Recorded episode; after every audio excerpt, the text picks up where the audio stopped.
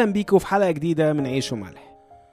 عبادية سمع كلام إيليا بعد مناقشات وإقناع وراح بلغ أخاب الرسالة بتاعته. اللي هي كانت بالنص كده قل لسيدك هو ده إيليا. وفعلا أخاب بتوصل له رسالة وبيروح يقابل إيليا. يا ترى هيحصل إيه بينهم؟ خلونا نشوف. هنكمل مع بعض الإصحاح 18 من سفر ملوك أول من الأول عدد 17 ولما رأى أخاب إيليا قال له أخاب أأنت هو مكدر إسرائيل؟ هنقف بقى هنا شوية أخاب اللي هو السبب هو ومراته في كل البلاوي اللي دخل فيها شعب مملكة إسرائيل بيقول لإيليا هو أنت بقى اللي مكدر إسرائيل؟ وعلى فكرة هي دي مش بجاحة ده بعيد عنكو عمى العمى الروحي اللي بيصيب أي حد يبعد عن ربنا. إحنا كنا اتكلمنا عن الموضوع ده كذا مرة وبنشوفه أهو وهنشوفه كتير. إن الواحد يوصل للمرحله دي في البعد عن ربنا ويرفض أي تأديب أو أي عمل لربنا في حياته ويحط كل الحواجز اللي يقدر عليها عشان يمنع وصول نور ربنا ليه. فنتيجة طبيعية جدا إن الواحد بيتعمي.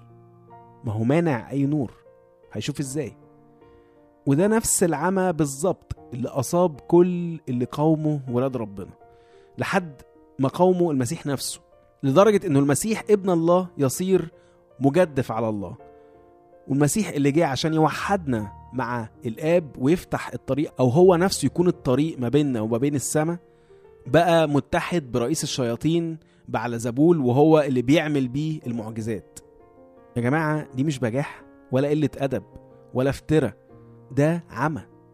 عشان كده لما تسمع أي تعديات أو اتهامات أو أي ظلم اوعى تزعل. تزعل من إيه؟ لا ده قبل أي حاجة لازم يصعب عليك اللي بيهينك ده عشان هو فعلا مش فاهم مش عارف مش شايف. ووصل للمرحله دي من العمى. بس ما تقعدش برضه في الحالة دي كتير. اوعى تعمل زي الفريسي ما عمل مع العشار وتبتدي بقى تشكر ربنا إنك مش أعمى زيه. إنما ممكن تحمد ربنا إن هو ساتر عليك خطاياك ومسهل عليك السكة. وإن هو اداك نور مجاني بدون تعب ولا جهاد. وتبتدي بقى تصلي عشان الشخص ده أو الناس دي تشفى ويشوفوا النور بتاع ربنا. غير بقى كل ده كمان الحاجة اللي إحنا معظمنا يعرفها أو سمع عنها إن إحنا نفرح لأننا استحقينا نتهم بالظلم بسبب تبعيتنا لربنا. في متى خمسة المسيح بيقول كده في الموعظة على الجبل. أعداد 11 و12 طوبى لكم إذا عيروكم وطردوكم وقالوا عليكم كل كلمة شريرة من أجل كاذبين. افرحوا وتهللوا لأن أجركم عظيم في السماوات فإنهم هكذا طردوا الأنبياء الذين قبلكم. وبرضه في يوحنا 15 المسيح بيقول كده أعداد 18 ل 20 إن كان العالم يبغضكم فاعلموا أنه قد أبغضني قبلكم. محدش يتخض يعني. لو كنتم من العالم لكان العالم يحب خاصته. ولكن لأنكم لستم من العالم بل أنا اخترتكم من العالم لذلك يبغضكم العالم. يعني ده الطبيعي. الطبيعي إن العالم يبقى قالب علينا. اذكروا الكلام الذي قلته لكم. ليس عبد أعظم من سيده إن كانوا قد اضطهدوني فسيضطهدونكم وإن كانوا قد حفظوا كلامي فسيحفظون كلامكم. برضو مش عايز نعدي الحتة دي بالسهل. هنتكلم عليها شوية كمان. أصل الموضوع مش بالسذاجة برضو اللي إحنا ساعات بنبص بيها على موضوع الاضطهاد ده. وإن هو مجرد إن واحد يقول إيه يا مسيحيين أو يا عبدة الصليب ويقوم تافف علينا مثلا. أو أي بقى هري اللي بنشوفه في القنوات الغريبة أو فيديوهات أو أي حاجة بالشكل ده. لا الموضوع أعمق وممكن يبقى أصعب من كده بكتير. خلونا معلش نرجع لكلام آخاب. شوفوا هو ما قالش على إله إن هو مجدف ولا جاب سيرة ربنا أصلا. انما قال إيه؟ مكدر اسرائيل موضوع وطني بحت يعني. اللي هو انت السبب في اللي حاصل في الوطن في البلد. انت السبب في الجفاف وفي الموت. طبعا هو كان هنا عايز يقوم عليه شعب مملكة إسرائيل فيقول آه أيوه انت السبب. ويقوموا ماسكينه وراجمينه زي ما عملوا مع ناس كتير برضه وهيعملوا. وده بقى الاضطهاد اللي إحنا ممكن نقابله بس بشكل غير مباشر. اننا بسبب تبعيتنا لربنا زي ما كان إيليا كده بسبب أفعالنا أو قراراتنا إننا نتهم إننا السبب في أي تعب أو أي معاناة. وبسبب إصرارنا إننا نمشي في سكة ربنا نتهم إن إحنا بنعطل الأمور بنوقف المراكب السايرة بنعسر الناس أو بنضيعهم. أمثلة كتير قوي يمكن الواحد ابتدى يفتكر مواقف عدى بيها. بس خلي بالنا أنا مش بقول إن أي حد ينتقدنا يبقى إحنا أكيد مظلومين لأ.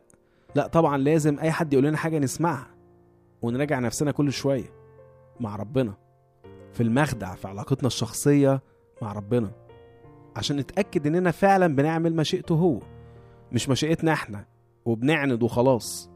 بس اللي بقوله بقى إن إحنا بعد ما نتأكد والناس تفضل تظلمنا ساعتها نعمل بقى الحاجتين اللي إحنا قلنا عليهم دول. نصلي من أجل الناس اللي بتظلمنا دي ونفرح إننا استحقينا نضطهد بأي شكل بسبب تبعيتنا للمسيح.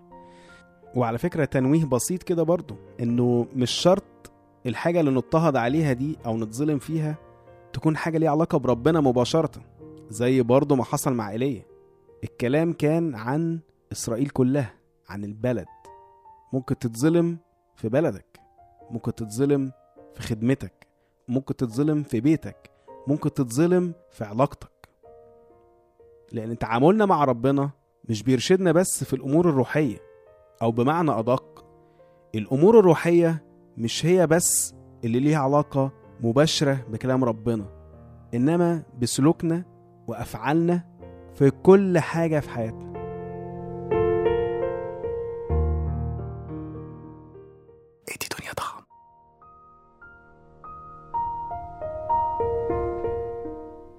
الحاجة التانية بقى اللي دايما بنتكلم عليها في عيش وملح إننا دايما نفكر في الكلام من ناحيتين.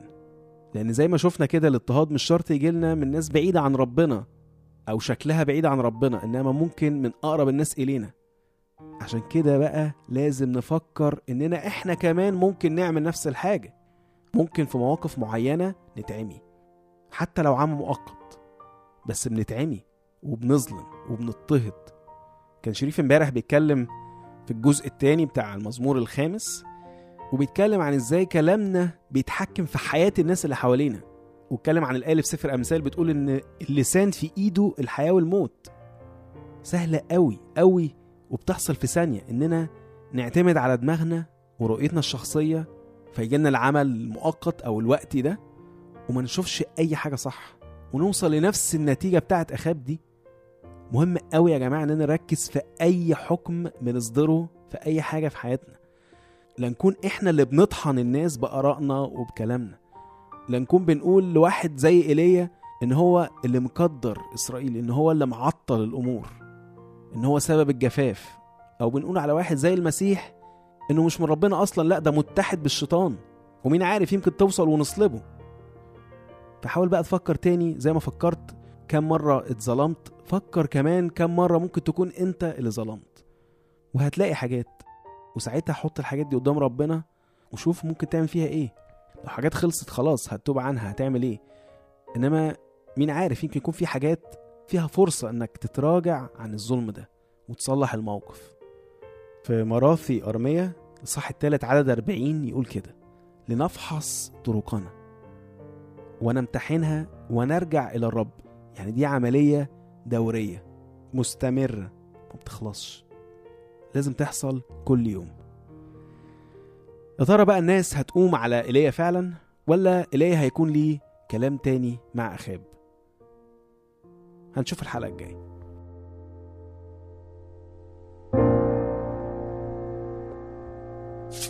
راديو ملاح.